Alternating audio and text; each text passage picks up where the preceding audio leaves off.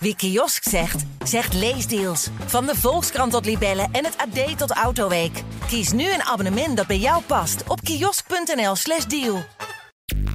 Maar in ieder geval, dus wij zitten nu hier over een paar maanden. Dan Gathering of meters?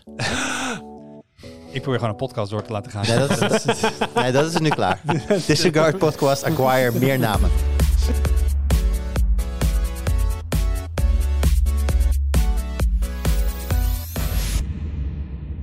Hoi, leuk dat je luistert. Welkom bij een nieuwe aflevering van de Tweakers Podcast. Mijn naam is Wout en ik zit vandaag om een rechthoekige tafel met uh, Arnoud Wokke, Hoi. met Jurien Ubachs. In mijn mentale beleving is dit gewoon de ronde tweakerstafel. Is dit hem gewoon nog? Ik manifesteer het. Je ma- Mhm.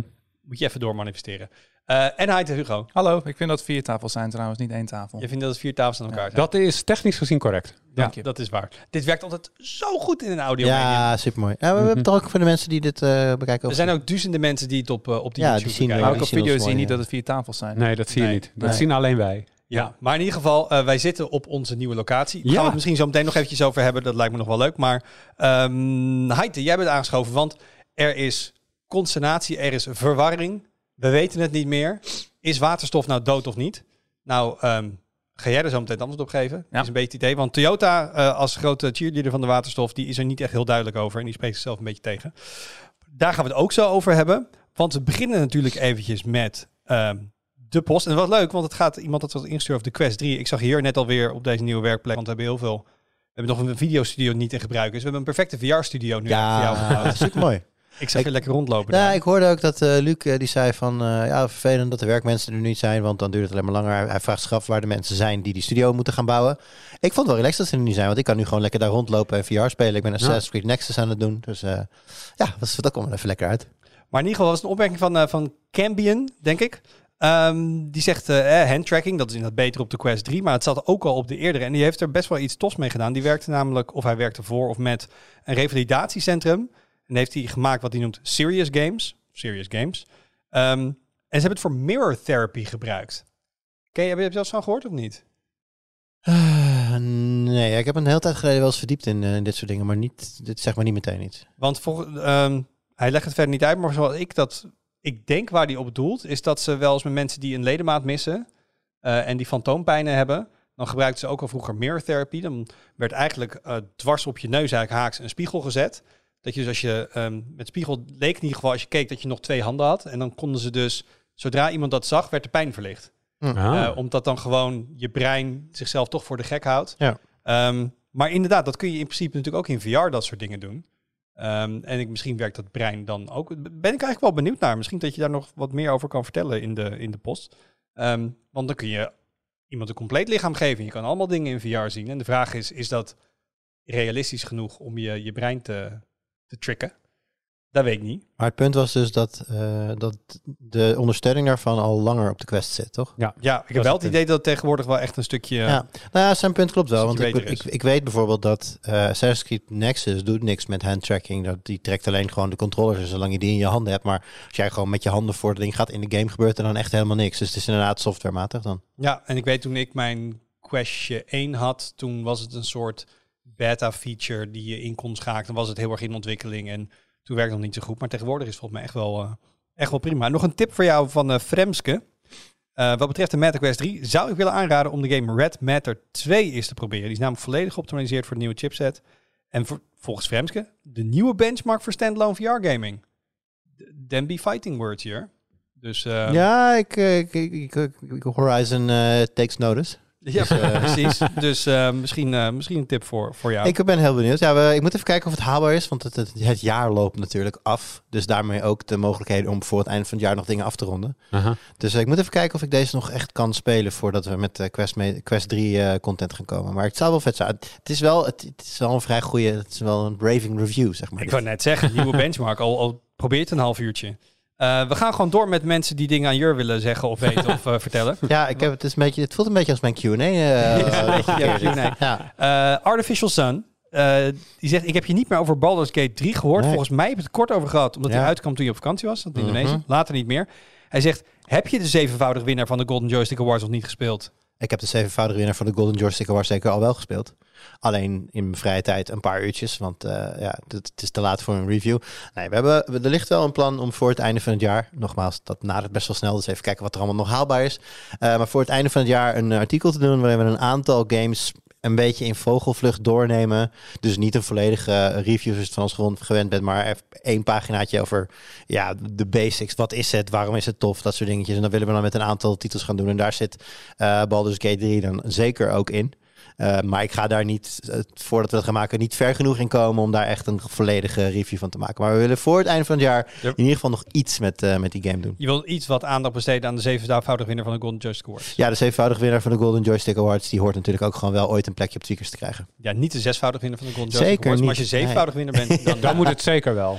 Ja, nee, ja, maar goed. Het, eh, hij, hij geldt algemeen als een van de kanshebbers eh, op, eh, op, eh, op prijzen die nu worden uitgereikt, zoals de Golden Joystick Awards. Dus eh, dan eh, moeten wij er eigenlijk ook ooit iets mee. Zullen we door naar het volgende onderwerp? Ja? Of wil je nog één keer? Zeven Golden Joystick Awards. Zo, voor de administratie, die staat erin. Eh, dan hadden we het ook gehad in de vorige aflevering over backups. Eh wederom, Ja. Cambion die geeft aan, ja, ehm, hartstikke leuk dat je één keer cloud, één keer fysiek doet. Ehm, maar eh geldt natuurlijk net als je bij familie legt. Als je alleen maar fysiek doet, dan kan elk huis afvikken. Dus hij zegt, je wil eigenlijk backups hebben op verschillende fysieke locaties. Dus cloud of schrijven in hu- eigen huis is daar een optie voor. Of fysieke schrijven op verschillende locaties. Dat is wel waar, inderdaad, ook het huis. Ik vind dat we heel erg makkelijk elke keer over afvikkende huizen hebben. Dat is best wel Ja. ernstig. Eh, en ik wil niet dat het huis van mijn ouders afvikt. Ehm, maar inderdaad, Ik heb hier over een hele snelle side note. Ik heb hier dus een, een, een, zowaar in, het in de realiteit een voorbeeld van gezien. Niet van een afgefekt huis, maar er is iemand die ik volg op Instagram. Die had haar spullen staan in een beneden het verdieping van een woning. En die is door een communicatiefout, hebben de verhuizers dat meegenomen naar de vernietigingsplek. Al haar spullen, Oh, in plaats van verhuisd. wauw. Zo kan je ook even van je, van je harde schijf eh, met je backup eh, afraken. Dus ik, dat hij door de shredder gaat. dus ik was, het, leven kan op gewoon soms lopen dat je kennelijk ineens al je fysieke bezittingen kwijt bent. Dus ja, eh, meerdere backups, meerdere plekken. Goed punt. Ouch. En toen zei John van der Wijk nog, ehm, en dit moeten we noemen, want ik vind gewoon de naam van de software die hij gebruikt heel awesome. Eh, die heeft namelijk zijn waardevolle data bij Amazon S3 staan in de cloud, maar die gebruikt CyberDuck. Cyberduck. Dat klinkt als een soort character in Darkwing Duck, dan de evil Mm. half robot, half android duck. Moet maar aan Tesla denken. Cybertruck, Cyberduck. Ja, misschien is dat wel... Nou, dat was ook Wow. mijn eerste associatie. Sorry. Een soort bulletproof eend. Voor in bad. Wat doe jij in bad dat jij een bulletproof eend nodig hebt? Maar Nou, je, je huis fikt af, al je backups weg, maar je eend is er nog. Tada. Maar af en toe hebben ze toch van die hele gekke one-offs. Ze hebben toch ook een keer een... ehm, wat hadden ze nou? Een flamethrower gemaakt. Ja, en een quadbike. En, eh, ja, ja. gewoon een cyberduck, maar gewoon een, een, met, een metalen bad eentje. Die dan helemaal met heel hoekig en zo. Elon, als je luistert, you're welcome. Hm. De cyberduck. In ieder geval, of een ander FTP-programma kun je daarvoor gebruiken. Ehm, maar hij zegt in ieder geval, hij uploadt het dan naar een reguliere S3. Eh, dat is een, voor mensen die dat niet weten, dat is een, eh, een vorm van hosting bij Amazon. Eh, en dan kan hij daarna, na een week, ik vind de term allemaal zo mooi, wordt hij naar de Deep Archive verhuisd. Ja. Dus dan kom je ergens in de kelder bij Jeff Bezos uit, denk ik, waar die dan... eh ehm, en het downloaden van je backup vanaf de Deep Archive kost meer in vergelijking met regulier. Maar goed, dat is ook echt alleen maar als die fysieke geest geeft. Als het een beetje goed gaat, dan hoef je natuurlijk nooit die backup te raadplegen. Hij zegt prijs is 36 cent per gigabyte per maand. Nee, Nee, 0,36 cent. ja. hij zegt nog sterk. Hij Letterlijk, het zegt staat er ook zelfs letterlijk. niet 36 cent. Ik lees ook fout. Dat was trouwens mijn toevoeging, want ik dacht, dit gaat Ja. zeker fout gaan. Ja, ja, en dat ja. deed ik fout. Ja. Ehm, dat is niet veel. Dat is niet veel. Dat ik heb eh, deze prijs trouwens, want ik probeerde dit te checken, want ik denk, oeh, interessant. Niet Cyberduck, Cyberduck, dat, dat, dat heb ik wel eens gezien. Ehm, dat ligt namelijk gewoon in mijn bad. Maar ehm, eh, eh, op de Amazon S3 eh, eh, cloud dingen backuppen, ja, dat kan. Ehm, ik heb deze prijs specifiek niet teruggevonden, maar wel dat je in, in, in een soort van deep archive, en dat heeft inderdaad ook naamgevingen die met kou te maken hebben en zo. Ehm, eh, en, maar die prijs specifiek heb ik niet kunnen terugvinden. Wel rond de 1 cent per gigabyte. Maar misschien is dat vaste klantenkorting, dat weet ik niet. Of volumekorting of zo. Maar, Maar als- 1 cent of 0,1 cent? Nee, 1 Nee, 1 cent. cent. Cent per heeft nu gigabyte per 0,36 cent, dus 1 Ja. cent zou dan drie keer zo duur zijn. Ja. Pak Oh, ja. Per maand dan. Ja, per gigabyte per maand. Ja, dus als je 100 gig, dat kost je dan een euro per maand. Ja. Dat is op zich niet heel erg duur. Nee. Nee, hè, dat is niet zo duur. Nee, dat is best wel interessant. Eh, Bas W. zegt nog, het antwoord op alles is smart home. Nou, sowieso is in mijn leven alles smart home. Mm. Ehm, zou een nieuw interessant eh, Best Buy Guide thema kunnen zijn. Ja. Hm? Ja, ik kan er denk ik zo, ehm, Ja, zo acht bedenken ongeveer. ja kun je Ja. meteen een nieuwe FT voor jezelf uitschrijven. Ja, dan kunnen we nog even eh, de, de, de beste lichtsensor, de beste motion sensor, de beste slimme lamp, de beste warm lichtlamp, de beste RGB-lamp, de beste LED-strip. Ehm, Ja, maar als ik één ding van smart heb geleerd, dan is het dat er meestal niet zoiets is als het de beste. Alles hangt af van jouw situatie. dat ook nog eens. Nou hebben we het natuurlijk ook met andere BBG-thema's wel. Ja. Ja, dat is Eh, wel waar. De beste goedkope LED-strip. De beste LED-strip met Z-Wave. Ehm, hou me tegen, want anders ga ik dit lijstje inderdaad echt helemaal. Eh, Dus ja, Bas, dit zou een interessant BBG-thema kunnen zijn. Hold your horses. Ik weet niet of het... Het is wel een soort doos van Pandora die je opentrekt. Ehm, we behouden voor nu denk ik even gewoon bij meer review-achtige content op smart home gebied. Voordat we daar een, eh, een hele Best Buy guide over gaan eh, optuigen.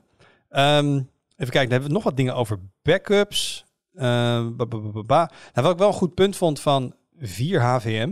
Hij zegt, niemand controleert backups echt in de praktijk. Dus je moet eigenlijk twee reserve hebben. En ik denk dat er wat systeembeheerders nu luisteren die zeggen... ja, maar dat doe ik wel, klopt, dat is voor je werk. Mhm. Maar ik denk Ja. dat veel mensen die het privé doen.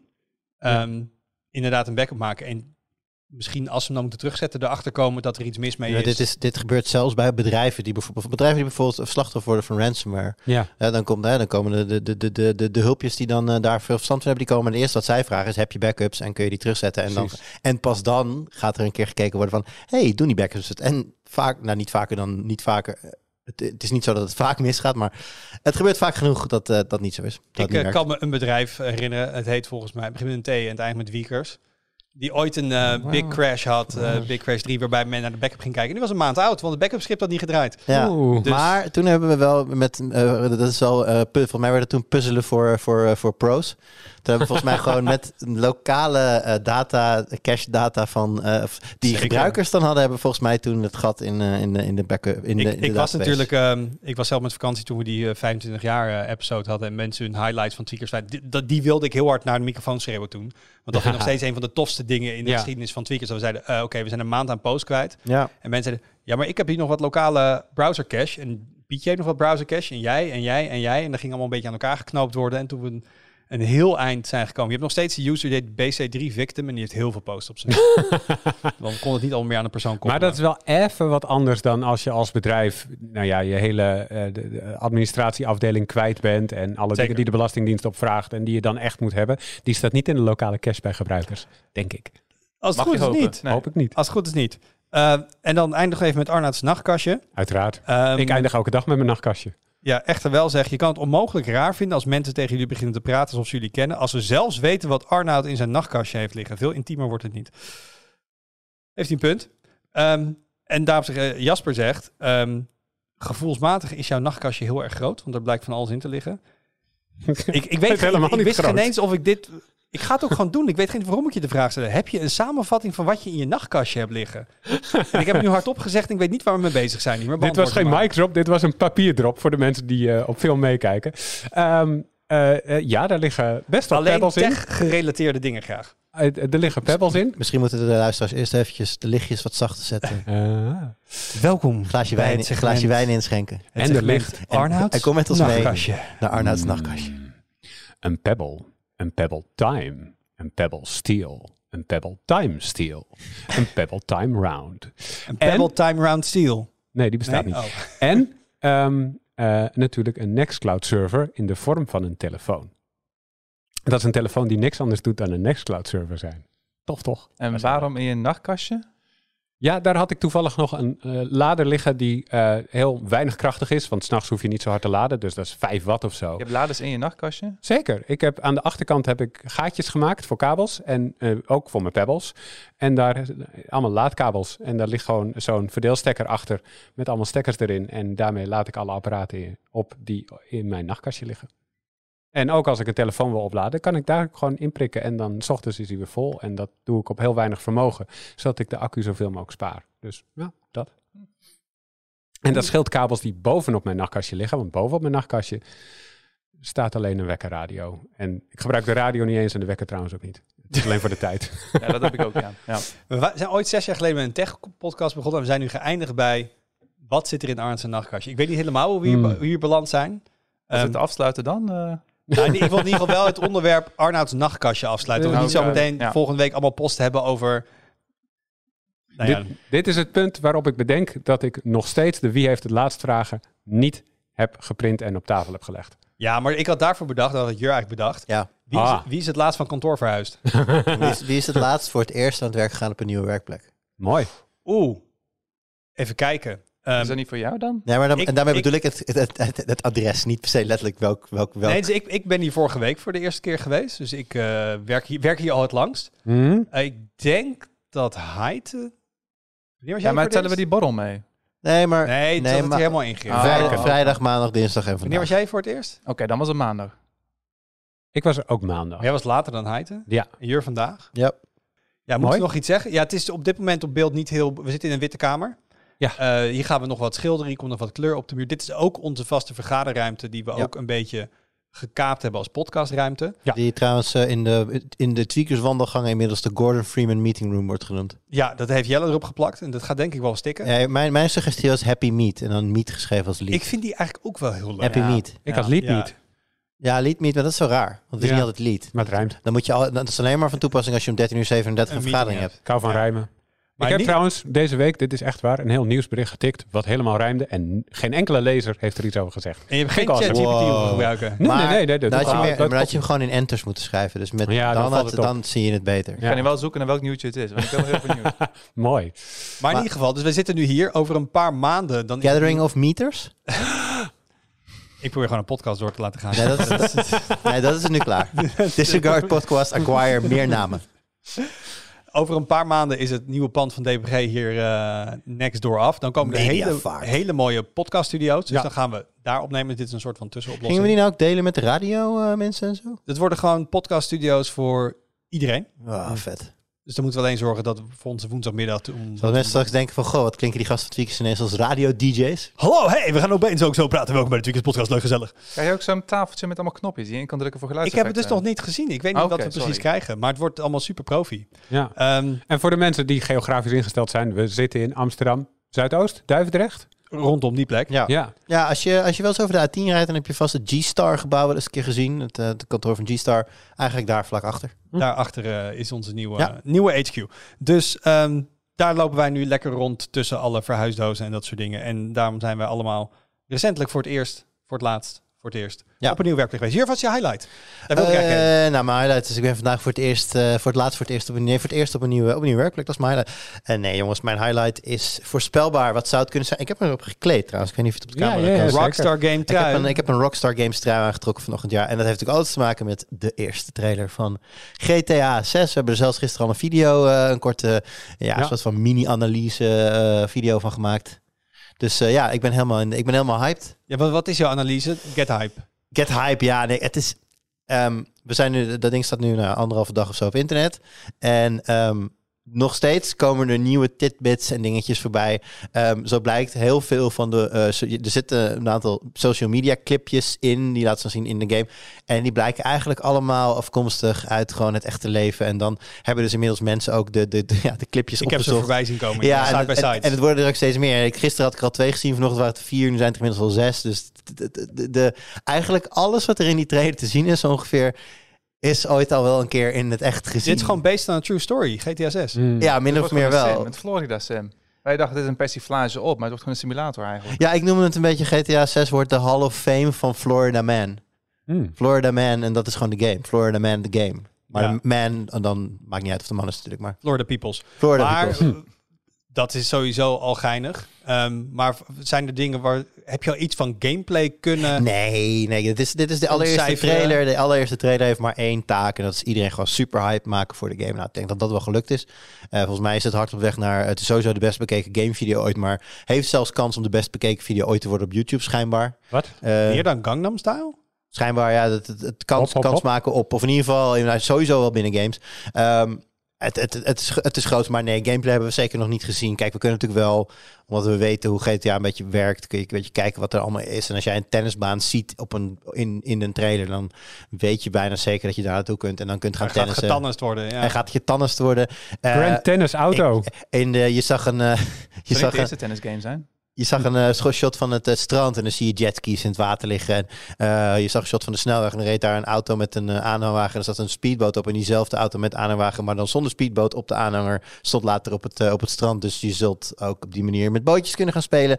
Dus zo kun je kijkend naar de, naar de trailer wel redelijk afleiden wat voor dingen je gaat doen. En goed, we zien de, de hoofdpersonages Lucia en ja, haar nog niet bij naam genoemde partner, maar uit een eerdere leak weten we dat het waarschijnlijk Jason is. Eh, Lucia en Jason zie je ja, winkels beroven. En dat Ja, een soort moderne Bonnie en Clyde is een beetje idee. Ja, ja, dat eh, Jeroen van onze redactie die kwam er ook al mee. Zei, oh, het is eigenlijk gewoon Bonnie en Clyde. Toen dacht ik, waarom heb ik dat niet bedacht? Maar goed, was, het, was, was gelukkig op tijd voordat ik de video ging inspreken. Dus die heb ik er nog net weer in kunnen gooien. Eh, maar inderdaad, Lucia en Jason, Bonnie en Maar Clyde. ik, ik weet niet heel veel van GTA. Ehm, Heus wel. Nee, maar ik bedoel, ik heb al dan de, de, de story gespeeld en niet het hele online. Het online deel ken ik niet. Ja. Zit er in de vorige versies al co-op? Want zo'n Bonnie en Clyde duo, dat schreeuwt voor een soort co-op modus en dan met z'n tweeën iets gaan ja, doen. vind ik ook een lastig. Want ik heb hem vooral gespeeld toen hij uitkwam. En later bij de eerste eh, Next Gen re-release nog een keer een stuk. Maar ik heb hem in de recente jaren niet gespeeld. Kijk, je hebt natuurlijk GTA Online is natuurlijk sowieso ook co-op. Ik weet niet of je het verhaal ooit co-op hebt kunnen spelen. Misschien met mods wel, dat zal vast. Ja. Ja, maar de verhaallijn is zelf ook altijd singleplayer geweest. Ook Ja, dat dacht ik- dat dacht 5 ik ook, maar ik heb- 4. ik heb hem niet meer herspeeld sinds de laatste zes jaar Nee, of zo. ik weet nu nog steeds inderdaad. Dus Ja. eh, ik- Online is echt een aparte game. Ja, nee, nee, dat, dat weet ik. Maar dan- of je ook de singleplayer ooit co-op had kunnen spelen, ik denk Nee. het niet. Maar, maar goed, of, het is ook niet gezegd dat het nu wel kan. Hè. Ik, Nee, nee, nee, ik ga er eigenlijk wens. vanuit dat het gewoon weer een singleplayer eh, verhaal is. Waarbij je meerdere eh, hoofdpersonages speelt. En nou, dat zullen er waarschijnlijk twee zijn, Jason en Lucia. Maar het is niet eh, gezegd dat het bij hen blijft natuurlijk. Ik wil ook een, eh, een voorspelling doen hier. Ik Mhm. denk dat er humoristische radiostations in zullen zitten. Oh, zou je denken? Ja, Hmm. dat is toch wel... Hot take. Ja, ik denk ik doe gewoon een hete take nog Ja, tussen. nee, dat. eh, ik denk alles. Als jij nu zeg maar een soort van top 100 zou kunnen maken van een soort van de, de online of nee, de, de media zeitgeist van wat er allemaal bij hoort en wat en dan vooral wat raar aan is. Ik denk dat je die hele lijst kan afvinken in GTA. Ik denk het echt. Gewoon grappige radio, eh, podcasts. De, de, de, de, konst- dus de, de- er zit straks sowieso een Matrassenreclames. en er zit straks sowieso een dude in van mid 30 met een baard en een laag la- low self-esteem die een podcast heeft. Maar hoeveel joystick awards gaat hij winnen? Oeh, ja, dat is een hele goede vraag. Je Nou, moet er minimaal zeven winnen voordat Jur je spel Ik wou het zeggen, ik hoop geen 7, want dan is de kans dat hij op Twix komt heel klein. Hmm. Nee, maar het, eh, het, het, het is heel vet. Eh, minder vet. Het duurt nog wel eventjes voordat hij uitkomt. Hij, eh, 20 flip in 25. ja, en dat is op zich, eh, wisten we dat al wel. Omdat, eh, ik, weet niet meer waar, ik weet niet meer waar ik het gezien heb, maar iemand had een heel handig eh, overzichtje gemaakt van de laatste drie of vier games van, eh, van Rockstar. En dan in kolommen datum eerste trailer, datum release en ik geloof ook datum PC-versie. En dan Daar word ik helemaal En er, zat, en er zat er standaard, ik geloof, tussen de eh, 18 en 24 maanden tussen eerste trailer en release. En dan nog eens, een keer twa- nog eens een keer 18 tot 24 maanden, geloof ik, voor de eerste PC-release.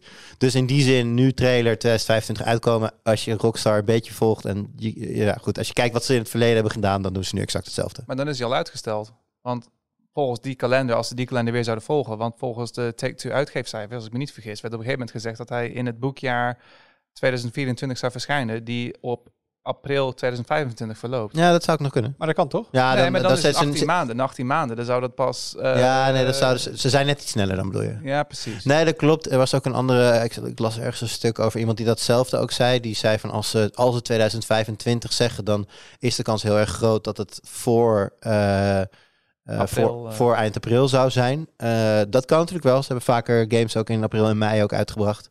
Eh, dus dat, maar heel eerlijk, valt nu niks, niks over te zeggen.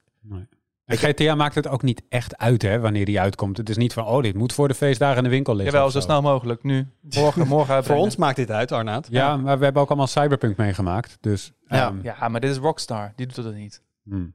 Nee, ik, eh, het, het, eh, in de loop van volgend jaar zullen we vast meer, eh, meer horen. En eh, ja, ze zijn, ik, ik weet niet hoe dat tegenwoordig gaat met, eh, met preview eh, kansen. Dat was vroeger bij Rockstar eh, vaak nog wel oké. maar ja, dat, het is sowieso een beetje wat, wat, wat rustiger geworden op dat vlak eh, door de, laatste jaren, ook door corona. Dus ik hoop dat ik er in de loop van volgend jaar al wat meer over kan vertellen. Maar het zou mij niet verbazen als ook ik hem gewoon pas rond release kan spelen. Ik moet zeggen, wij hadden nog heel veel op Slack de discussie van zou dit nou... Oké, het is niet in-game, want het is niet gameplay, maar of het nou in-engine is. En ik zat een beetje te kijken. Ik denk dat dit wel is hoe de game eruit gaat zien. Ja. Ik, heb, ik heb nog een paar De, de, de grafische stijl wel, ja. Ja. Je, je ziet ook, eh, ehm, als je bijvoorbeeld naar de character models kijkt, met de huidige eh, mogelijkheden heb ik niet het idee dat je dat niet ook in real time zou kunnen doen. Ik moet wel zeggen, er zitten wel eh, wat dingetjes in. Bijvoorbeeld de manier waarop die straten s'nachts uitgelicht zijn. Als je daar dan op snelheid doorheen zou rijden. Of dat dan met de lichtmaps die er zijn. Hoe, ik weet, ik heb, ik, ik heb Wat- geen- wat- totaal geen idee hoe ze dat ook doen. Wat ik vooral, het, het ding wat ik het, het, het meest over twijfel, is de, de crowd density. Er Ja, een paar precies. scènes Ja. in, Ja. waar je...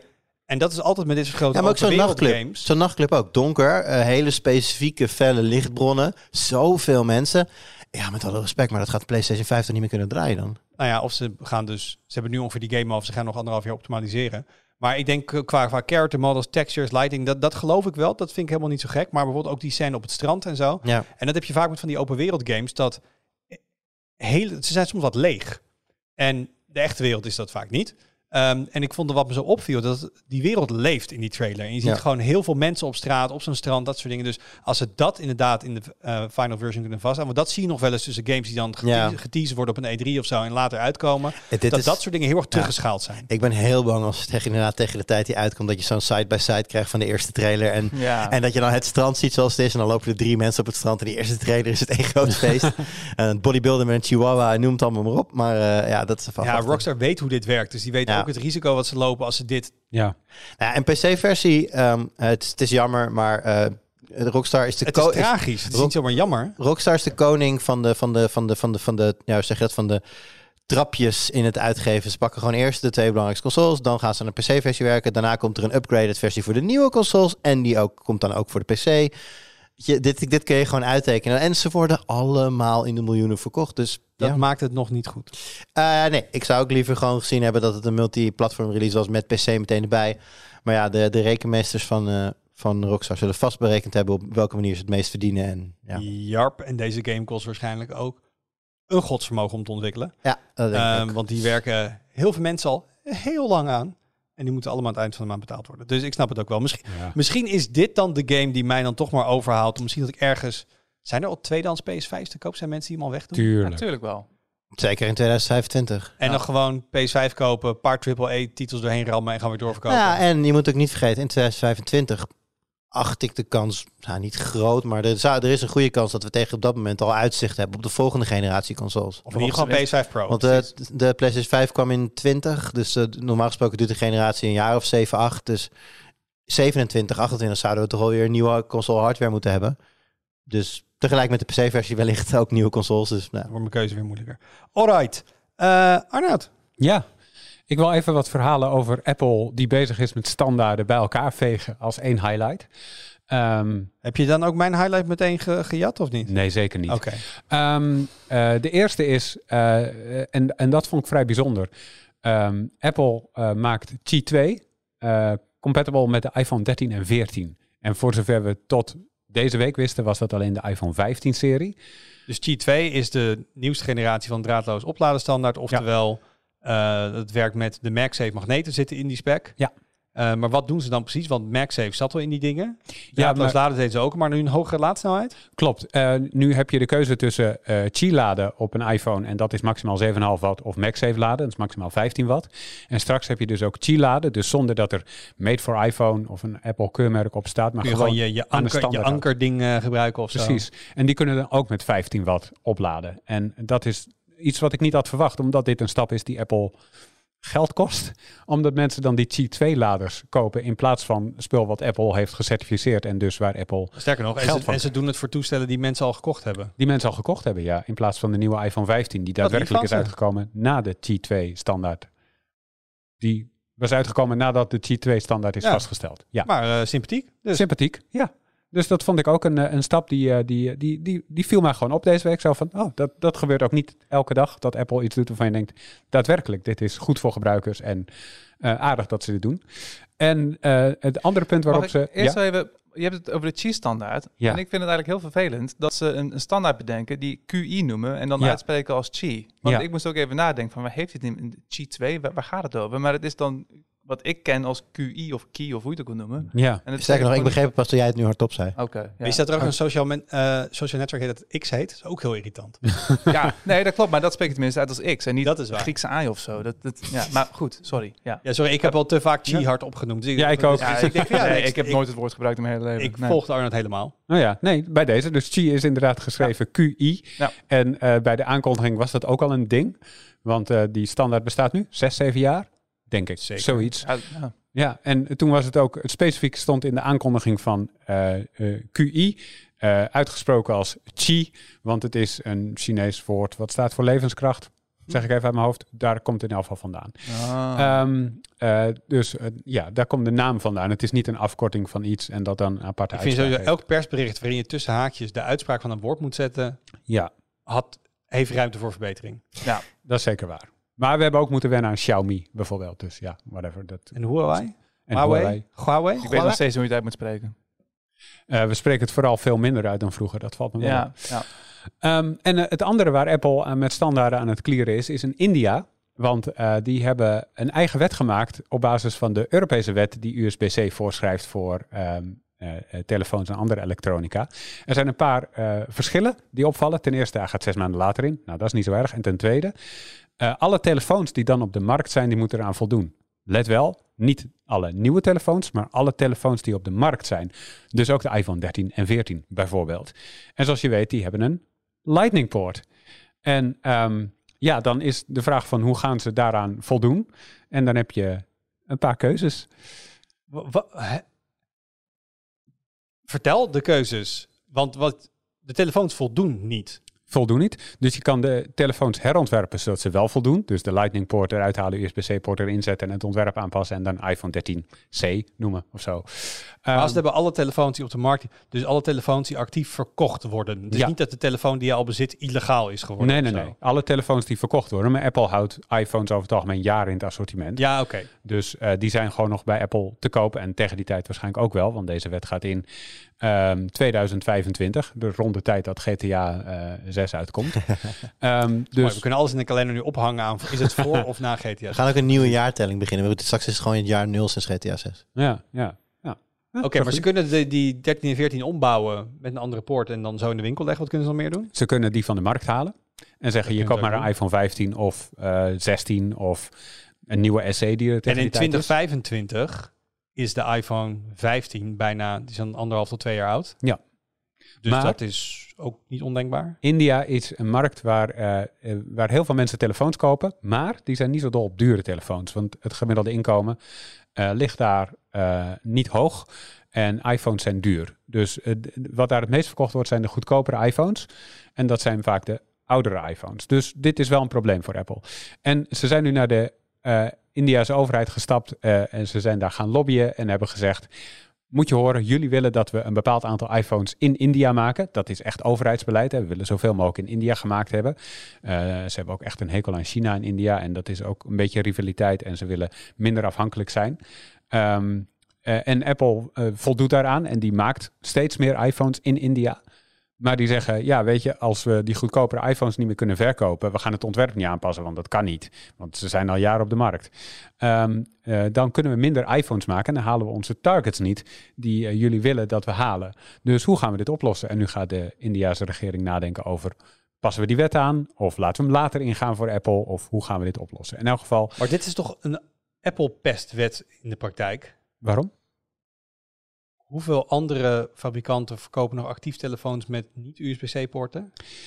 Heel weinig. Ehm, er is misschien nog wat micro-USB-spul eh, onder de 100 euro of zo. Maar eh, Ik denk het niet hoor. Echt heel en in weinig. 2025 helemaal niet. Dus dit Nee. is, ze moeten 100% weten dat ze hiermee Apple in het vizier hebben genomen. Ja, ja. Dus dan, denk, dan kan Apple wel gaan zeggen, we vinden het niet leuk. Maar ze kunnen niet verbaasd zijn dat Apple om tafel wil. Laat ik het zo zeggen. Dat, dit, Ja. dit moet onderdeel van het gameplan zijn. Precies, dat denk ik ook. En ik vind het gewoon interessant om te zien hoe Apple daar met eh wetgevers omgaat en, en, en, en, en hoe daaraan te voldoen en zo. En dat je dus wel degelijk ook met zo'n groot techbedrijf, en dat is iets wat een paar jaar terug eigenlijk niet gebeurde, dat je die echt wel aan tafel krijgt op het moment dat je dit soort wetten op die tafel neerlegt. Nee, maar ik snap Apple ook wel, moet ik zeggen. Want die, eind, die wet gaat eind 2025 in. Ja, Maar hij is nog niet definitief, toch? Volgens mij ging het nog om een voorstel. ja, Dus ik snap wel van dat dat, dat, dat je wil als bedrijf je ook wel enigszins vooruit kunnen plannen. En als ze dan opeens zeggen, oh ja, die apparatuur die je nog maar anderhalf jaar verkoopt of wat dan ook, die moet uit de handel omdat hij niet de goede poort heeft. Precies. Ja, dat dan. Ik, ik ben het niet vaak met Apple eens als het gaat om mededingingrechten en zo. Maar op dit moment eh, denk ik wel, eh, ja, Ja. dat snap ik wel. Ja. Ja, maar ik snap de Indiase overheid ook wel, want dan heb je in één keer zeg maar die- echt die universele laadpoort te pakken. Ehm, en Apple is dan in feite de enige die dwars ligt. Dus ja, Hoe oud is nu de oudste iPhone die je kan kopen? Ehm, ik denk dat dat dan de 12 of de 13 is. Want als ze dus inderdaad tot twee jaar teruggaan, dan heb je in eind 2025 geen probleem. Want dan is Ja. je iPhone 15. Daarom pleit ze er ook voor om eh, langer te doen om die wet in te voeren, zodat alle iPhones die dan niet voldoen, daadwerkelijk van de markt zijn volgens Apple's roadmap. Maar ja, weet je, ik snap het wel. Apple kijkt gewoon naar zijn balans en denkt de ontwerpen aanpassen. Dat is echt super duur. Nee, dat doe je niet. Ehm, we liever de wet aanpassen. Maar ja, weet je, als regering wil je dat ook niet altijd. De timing aanpassen, dat lijkt me het meest logisch. Dat er een soort van overgangsregeling komt voor Apple voor een jaar of zo. En dat die dan in die tijd ehm, eh, ja, nog oudere iPhones mogen verkopen. Ja, en als je als consument eh, straks niet meer je oude Apple mag kopen en Apple zegt ja, sorry, maar dan moet je echt bij je overheid zijn. Ja, Dat kunnen ze ook spelen. precies. Ja. Ja, maar voorlopig hebben ze dus gespeeld met ehm, eh, onze fabrieken willen zoveel mogelijk van die oude iPhones nog maken en we halen onze targets niet als je dit ons verbiedt. Dus ja, interessante, interessante strijd wel. daar. Ik heb zo ook nog een Apple dingetje wat niet in Nederland speelt, net zoals die van jou. Maar hij is eerst. Hallo. Hallo. Nee, ik heb het over, eh, ja, ik wil het hebben over Windows 10. Eh, dat is, wordt Geweldig OS. Ja, dat, vind ik dus ook. Ik heb nog steeds thuis mijn PC draaien en het draait prima. Maar ik mag niet upgraden omdat mijn eh, Intel i7 net te oud is. Net van de allerlaatste generatie is. Maar het voldoet nog prima. Ik kan er prima mee gamen en wat dan ook. Maar Windows 10 of Microsoft heeft besloten, we gaan het niet meer updaten. Tenzij de portemonnee trekt. En ik heb daar mijn twijfels over. Ja, ho, ho, althans- ho. Eerst moet GTA 6 uitkomen, dan pas stopt de support op ja, Windows precies. 10. Het eind, ik kan nog tot eind 2025 kan ik nog probleemloos blijven Ja, gamen en internet en weet ik het wat. Maar daarna eh, stoppen ze met de beveiligingsupdates. En vanaf dan zeggen ze of je moet overstappen naar Windows 11 of je kan betalen. Hoeveel we moeten betalen, dat weten we nog niet. Maar Is dat de eerste keer? Want ik weet dat ze dat voor Ja.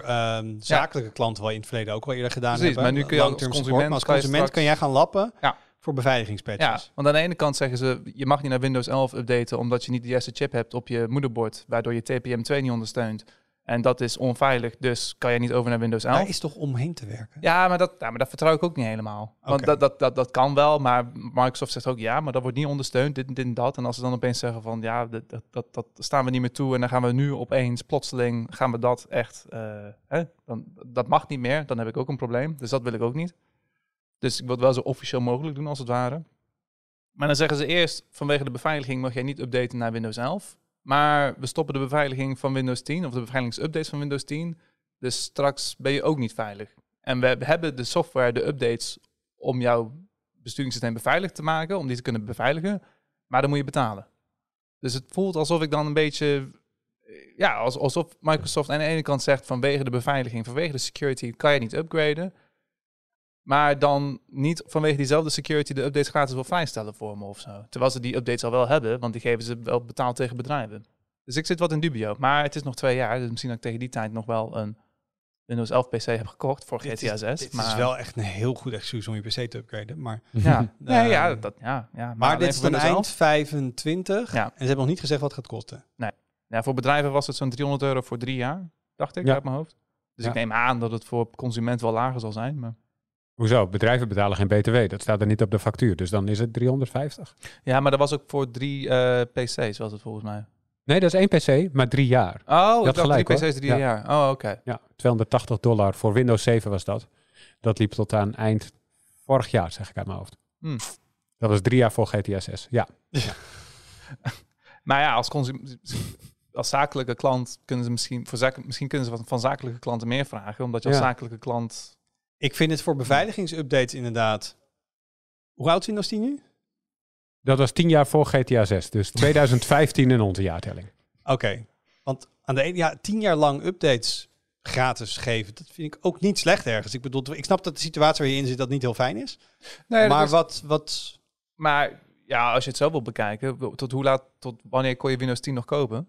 Dat, sinds wanneer is Windows 11? Is dat nu een jaar? Misschien Anderhalf. Anderhalf, zoiets, ja. Ja. Dus stel dat ik eh, in 2021 Windows 11 heb gekocht, dan heb ik eigenlijk maar vier jaar beveiligingsupdates gekregen. Ja, En dat, vind ik dan ja. ook weer wat weinig voor een besturingssysteem. Ja, Met de kanttekening dat je dan wel meteen hardware had, had kunnen kopen met TPM 2.0 en dergelijke. Maar Ja, maar er waren ook gewoon nog met Windows 11 nog goede redenen voor Windows 10. ja, waar. ja. Nou ja, ik heb nu ook Windows 11 op mijn eh, werklaptop en ik vind het een prima besturingssysteem. Maar Mhm. ik heb ook niet iets van, oh, dit is zoveel beter dan Windows 10. Het Ja. voelt heel erg als Windows 10, maar dan met een nieuw laagje verf en met TPM Ja. 2 verlichting en dergelijke. Ja. Dus Ja, ik vind het ook een beetje, want ik, ik deel Heites gevoel wel een beetje. Het is een beetje zuur, zeg maar, als ze zeiden in oktober 2025 stop voor iedereen de support, dan zeg je, oké, nou, 10 jaar ondersteund, prima. Maar ze maken die updates nog gewoon. Alleen je moet ervoor betalen voor iets wat je dus 10 jaar gratis hebt gekregen.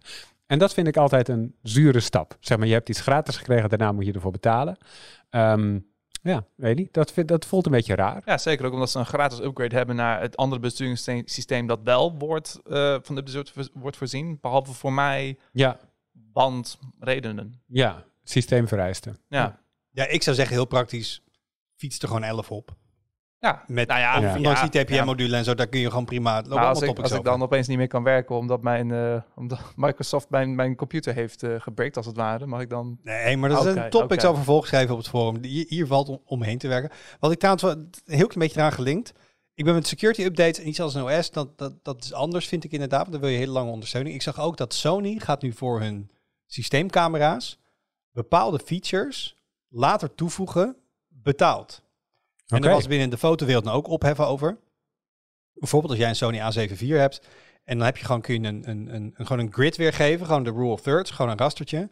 Maar dan komt er een optie dat je hele specifieke zelfgebouwde rasters kan maken. Dus bijvoorbeeld studiofotografie kan het eh, interessant voor zijn als elke keer het object of de persoon binnen hetzelfde deel van het frame moet komen.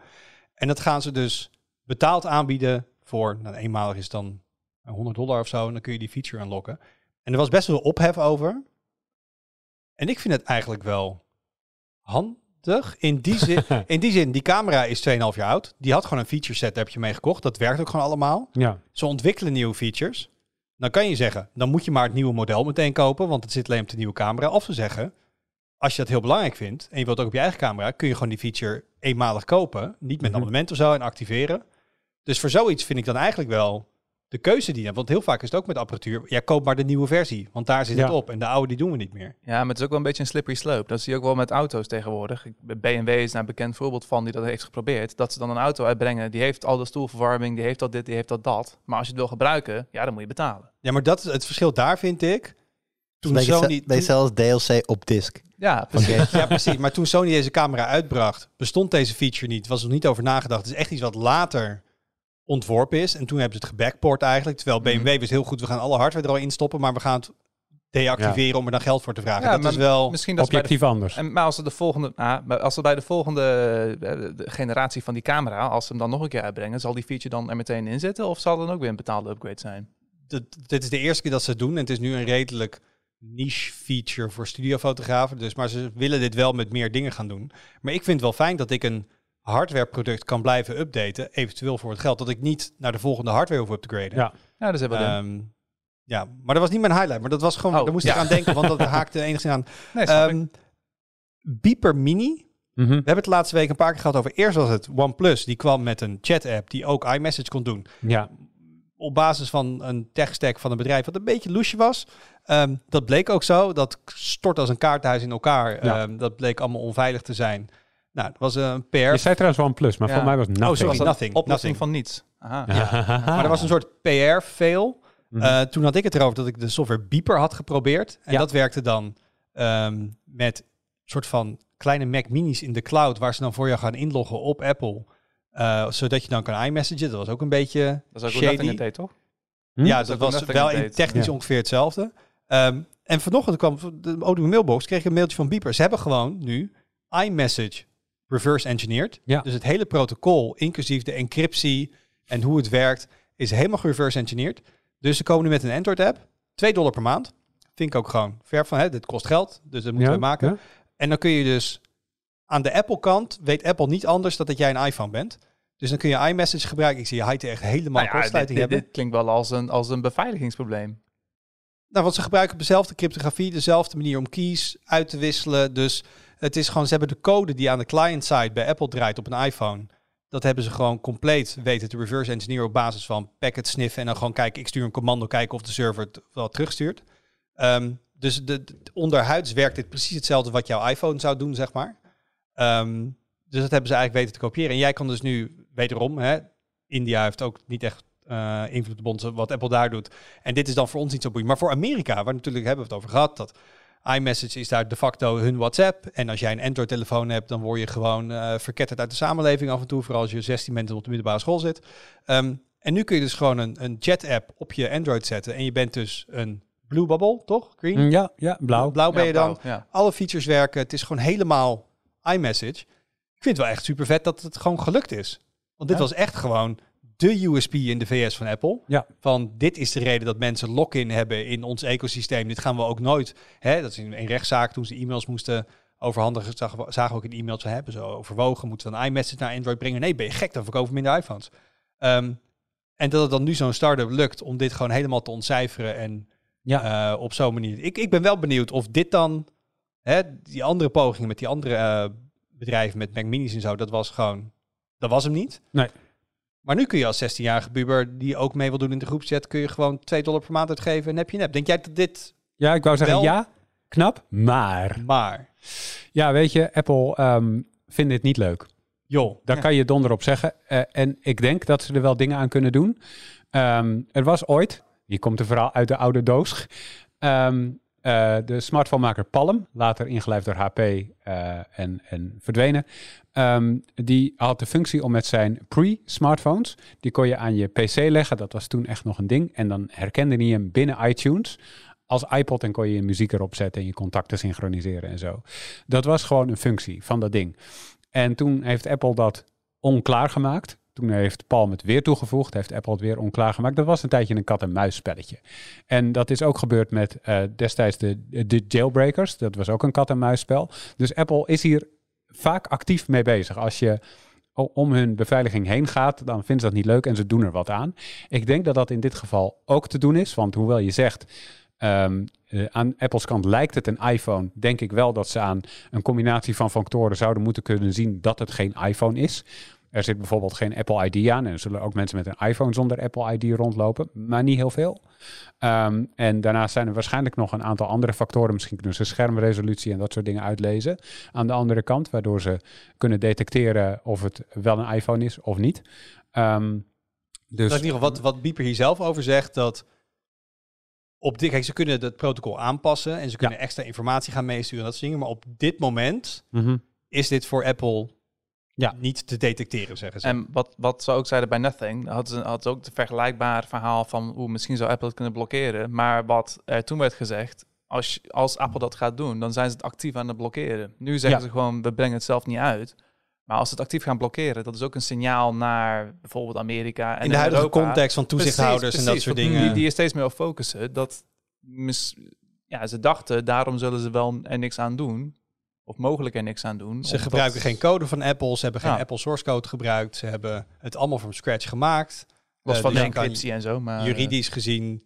ehm nou, maar dat zijn vaak dat soort encryptiestandaarden gewoon Ja, fair. Ja. public-private key. Dat is allemaal gemeengoed, zeg maar. ja. Eh, dus ik ben heel benieuwd naar de reactie, precies wat jij zegt. Maar ik kan me ergens ook Ja. in vinden wat hij te zeggen. Van ja, het is niet het beste, ehm, de beste tijd nu om heel erg anti-interoperabiliteit te gaan zijn. Maar dit is wel ook, eh, want je kan het ook op IP gooien en eh, dat, eh, dat Beeper dat ehm, eh, da- daarin wetten overtreedt.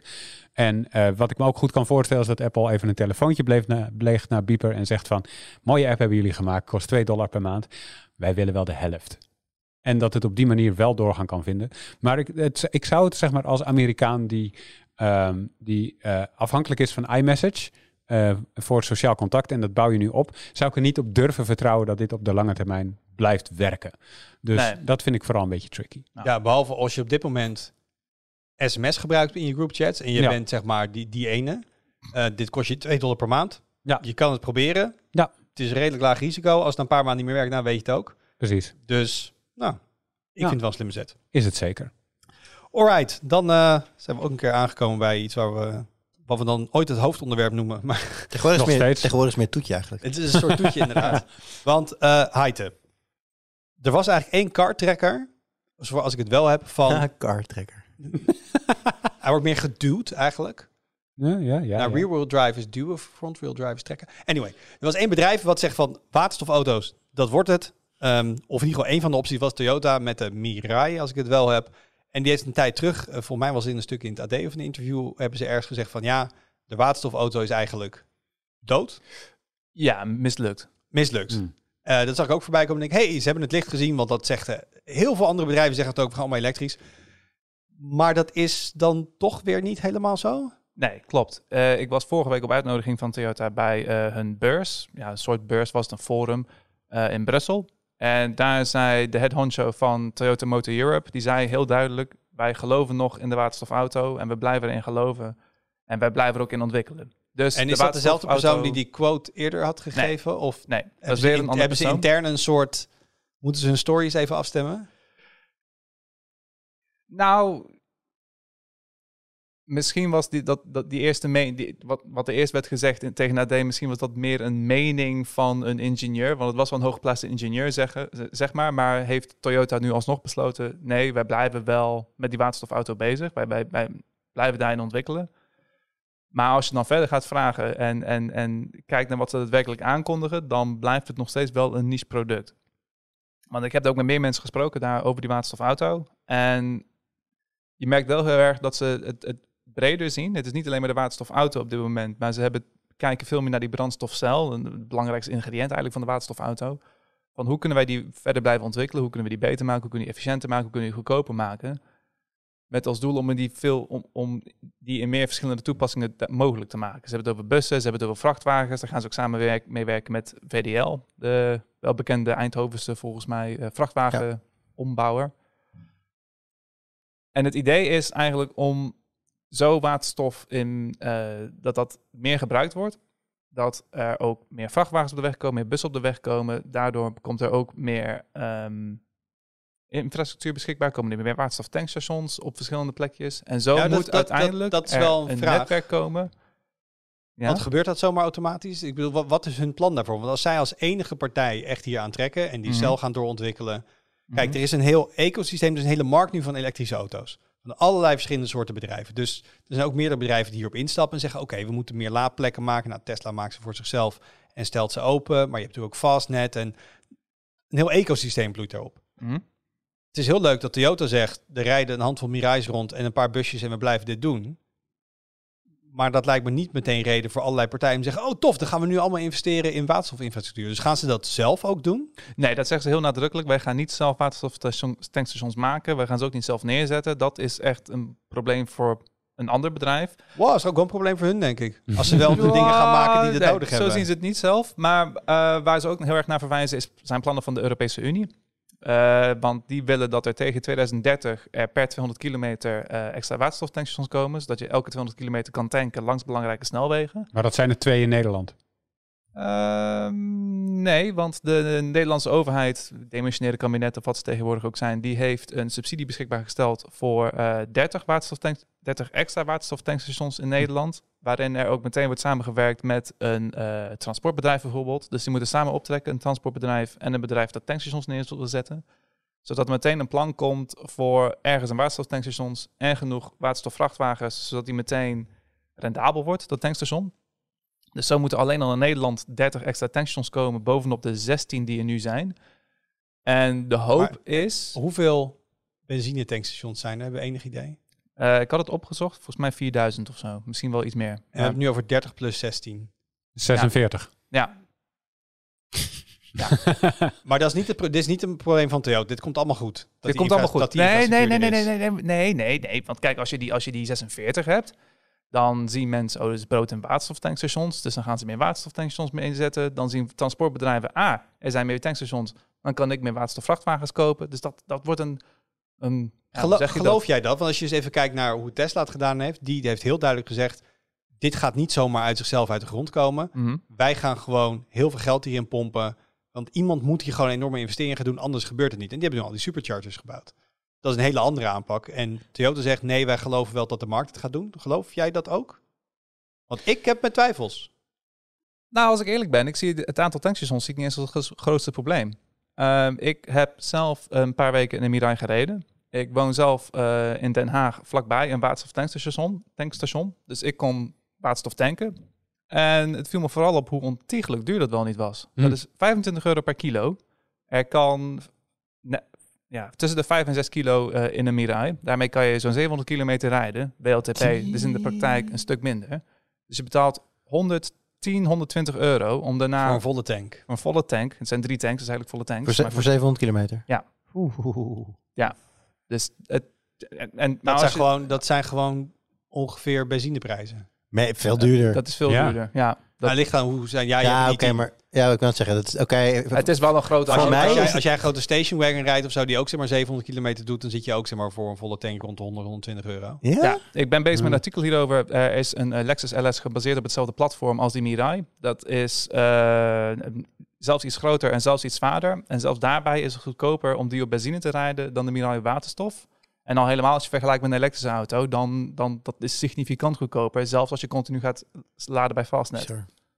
Dus het is... Dus er zijn heel weinig oplaadplekken Ja. of eh, tankplekken. ja. Het is veel te duur. En het is duur. En je kan eigenlijk alleen maar twee auto's kiezen. Je hebt of de Hyundai Nexo of je hebt de Mirai. Waarom is dit aantrekkelijk? Toyota zelf zegt, eh, enerzijds, als je kijkt naar Nederland, heel veel energienet. Waar ga je al die laadpalen neerzetten? Hm. Anderzijds zeggen ze, hoe kom je aan alle materialen voor accu's? Daarvoor moet je bij China aankloppen. Willen we dat? Moeten we dat willen? Nee, waterstof. Nou ja, dit, dit, het, dit- dat, ja, theoretisch klopt dat, ben ik mee eens. Maar het, ont, nou, wat Wout zegt, het ontstaat nog niet. En ook met, met het oog op de prijs. Kijk, ik denk dat alle benzinerijders eh, met enige jaloezie naar elektrische autorijders kijken. Omdat ze weten van thuis, zeker als je een eigen oprit en zonnepanelen hebt, eh, dan kun je veel goedkoper per kilometer rijden. Op het moment dat het duurder gaat worden, nou, dan denk ik dat er heel veel benzinerijders zeggen, ik blijf nog even lekker doorgaan op mijn dino-sap als je het niet erg vindt. Nee, maar daarom. En eh, zeker als dan ook het alternatief waterstof is, wat nog significant, wat, wat nog duurder is dan benzine. Op het moment dat Ja. het duurzame alternatief duurder is dan het niet duurza- duurzame alternatief, dan gaan heel veel mensen, vermoed ik, voor Het dus niet doen. Nee, precies. Heb je enig idee of die waterstof nu zo duur is omdat daadwerkelijk de grondstof duur is? Of is dat ook gewoon dat ze eigenlijk de, de, de bouwkosten van die nieuwe waterstoftankstations en R&D, dat ze het allemaal lekker uitsmeren over die prijs nu, want ze moeten ook een beetje terugverdienen. Dat moet ik sowieso even nuanceren, want het is niet overal duur. Je kan ook tanken voor 16, 17 euro per kilo. Dus het verschilt ook nog eens gigantisch per tankstation. Hangt er vanaf of je langs de snelweg zit of niet. Ben je nog steeds duurder Nee, uit want dan ik zit, die, die van mij zit juist niet langs de snelweg. Ah, Oké. en Ehm, waar komen die gigantische... Oké, dus dat zit dus niet allemaal in grondstofprijs? Nee. Eh, eh, nogmaals, Toyota zelf zegt eh, dat die volatiele prijsverschillen komen nu door eh, omdat waterstof op basis van aardgas wordt gemaakt. En wat dus ook betekent dat het eigenlijk helemaal niet duurzaam is. Ik wil het dat- zeggen. dat ging is van het eigenlijk- gas af, toch? Hè? Ja, nee, niet, niet, niet de Mirai. Maar als we straks meer eh, groene waterstof gaan produceren op basis van duurzaam opgewekte elektriciteit en dus eh, Ja, we gaan met de overschotten windenergie en zonne-energie, als het hard waait in de zomer, gaan we waterstof maken. precies, En ja. Dat is heel goedkope waterstof. En Ja. Dat gooi je dan in je Mirai voor hopelijk een stuk minder geld. En Het zijn- ook met die zijn heel- efficiëntere het is een soort- brandstofcellen. Het is een soort opstapeling van als, als, als, als, als, als. Ja. ja, Dan zou het misschien kunnen werken. Zo dan zou het over. misschien een alternatief kunnen zijn voor iets dat we nu al hebben. Ja, en weet je wat ook een beetje het probleem is? Stel je voor dat je hier al als bedrijf in gelooft. En dat kan, hè? Dat je denkt van, weet je, het is misschien het is een, een, een gok. Maar als we, als we goed gokken, dan is de opbrengst uiteindelijk heel hoog. En dan halen we daar heel veel omzet uit en weet ik veel wat. Op de lange termijn. Dat kan. Maar dan moet je als bedrijf consistent zeggen, hier geloven wij in, dit is de toekomst, het is beter, want geopolitiek, weet ik veel. Wat je dan niet moet doen, is zeggen, ja, die auto is eigenlijk een beetje mislukt. En dan daar een paar weken later weer op terugkomen en zo. Nee. Wat, wat is Ja. daar de gedachte achter? Of is dat gewoon interne strijd of zo?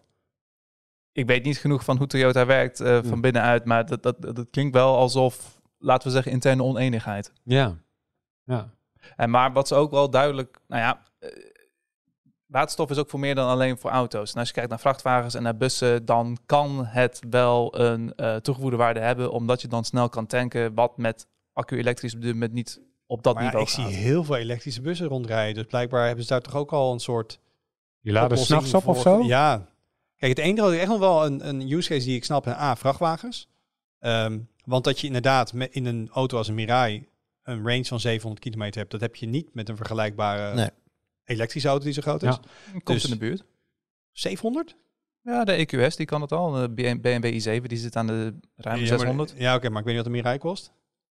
Eh, tussen de 70 en de En 80.000. die auto's zijn allemaal wel over de ton, denk ik. Dus, Ja, dat is waar. dus nou, ik vind die wel gewoon in dezelfde categorie. In de zin zijn allebei, allebei dure auto's. Ehm, maar in ieder geval, dus die, die vrachtwagens, dat, dat snap ik wel. Maar bussen is voor mij ook al...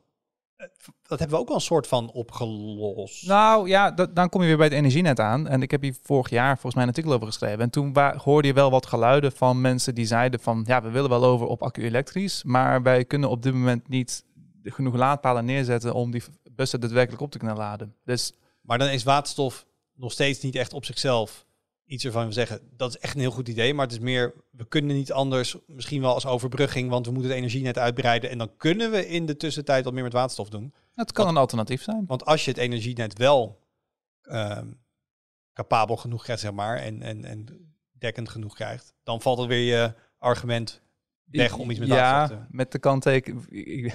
Als je, als je dat nieuws een beetje volgt van die energienetten, dan zeggen ze altijd van ja, misschien na 2030 kunnen we weer huizen aansluiten. Volgens mij was het Almere ook, waar ze Ja, recent, ja, een heel nieuw woningproject gewoon niet kunnen aansluiten omdat er nu al tekorten zijn. En hebben ze het over, ja, over jaren, dan, dan kan dat wel. Ja, misschien, mogelijk.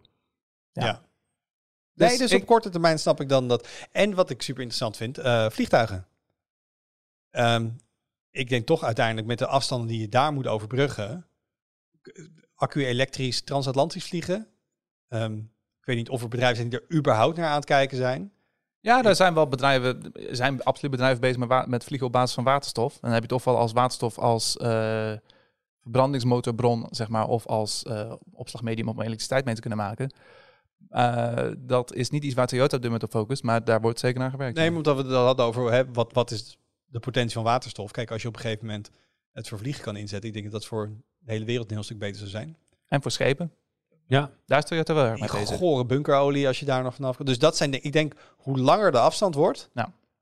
hoe interessanter dit wordt ten opzichte van elektrisch, denk ik. Maar dat ze daarom dus ook nog zeggen dat de Mirai bestaansrecht heeft, dat, dat snap ik dan wat minder goed. Maar als ze zeggen, Ze hebben vorige maand zelfs nog een tweede eh, waterstofauto aangekondigd, maar zover we weten alleen voor Japan.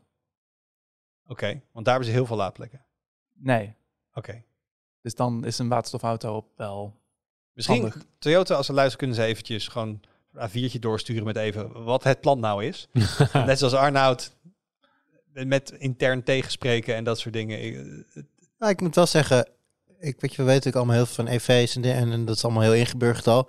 Ik vind het wel positief dat ze hier nog wel heel veel effort in steken. Want ehm, he- de- ik, ik- elke twee zinnen die Heite zegt, denk ik bij mezelf, huh? En dat ligt niet aan Heite, maar aan, aan, aan, hoe, aan hoe dit nu werkt en hoe dit er nu voor staat. Maar tegelijkertijd kunnen heel veel hutjes nog steeds wel gewoon naar een positief iets door. Wat jij zegt, dat je grotere voertuigen en dingen. Dus ik, ik, zie, ik zie het niet voor me hoe de wereld met waterstofvoertuigen eh, daadwerkelijk goed gaat werken. Maar ik ben wel echt heel blij dat er nog in ieder geval bedrijven zijn die het serieus nemen en die het proberen. En ja, weet je, zij zullen, eruit, zij zullen er meer vanaf weten dan wij, hoop ik. Dus Nou ja, wat hij zegt dat ze die, die cellen willen doorontwikkelen. Want op een gegeven moment, voor mij wel, en hè, Jeroen zit hier niet aan tafel, die weet er veel meer vanaf. Maar voor mij een van de grotere uitdagingen die we hebben. Wat doen we met energieoverschotten? Ja. Hè, want in, in de winter hebben we minder zonne-energie. In de zomer hebben we soms op momenten wel te veel. Ehm, als je dan zegt, nou ja, dan kun je met het overschot aan energie kun je waterstof maken en in een tank stoppen. Dat kun je maanden dan misschien wel bewaren en dan kun je het later kun je het weer gebruiken. Maar ja, Ja. maar dan heb je, verlies je energie met die omzetting. Ja, dat is waar. Maar je moet er iets mee. Maar je moet Ja. er iets mee. Je kan het ook gewoon niks mee doen. En als je kan zeggen, ja, je kan er weet ik veel, eh 60% van de energie kun je in waterstof vatten. Ja, dan heb je wel langer termijn opslag. Dus Ja. ik, ik vind waterstof super interessant. Absoluut. En de En technologie daarachter. Absoluut een, een, een rol in onze toekomst. Een plek erin inderdaad, Ja. inderdaad. Maar dat ze dan elke keer met die Mirai aankomen Ja, zitten. nee, ja, maar het, het, het, het- ja, het beeld dat je krijgt is, we geloven nog in de waterstofauto, maar we gaan niet per se direct elke auto van waterstof voorzien. Maar we denken wel dat het in de toekomst nog steeds wel een plek heeft. Nou, ik denk dat we, dat als, je, als je hem zo framed, dan kan ik daar wel in Mooi. meegaan. Eh, laten we even kijken naar wat er op de site verschijnt. Eh, collega Daan die is eh, druk aan het inventariseren geslagen bij allemaal mensen uit de community, als ook mensen op de redactie. Ja. Om voor de kerst een, een leuke gift guide in elkaar te draaien. Ik weet dat hij toevallig, voor mij heeft hij gisteren de inzending gesloten. Dus dat heb ik over dinsdag. Ehm, Krijgen jullie dan ook mailtjes van de fabrikanten waar jullie contact mee hebben met allerlei leuke Ja. suggesties van, oh, kijk eens wat voor leuke producten wij hebben. Game controller en te goed voor op je Xbox of PlayStation account en dat soort dingen gewoon, Ja. ze pakken gewoon random dingen die ze verkopen en dan zetten ze erboven. Dit is leuk, leuk. voor onder, ja, leuk als. Ja, Ja, ja, ja. Nee, die krijg ik, eh, die krijg ik ook. Leuk Dus, voor eh, onder de boom, een waterstofauto. Bijvoorbeeld. Of een leuk tankje. Oh, voor, wel eh, echt een grote boom. Ja, ja, ja. Big, big Tree. Eh, dus die is hij nu in elkaar aan het draaien. Dus ik denk dat, dat, ik weet niet uit mijn hoofd, dat komt één deze dagen online.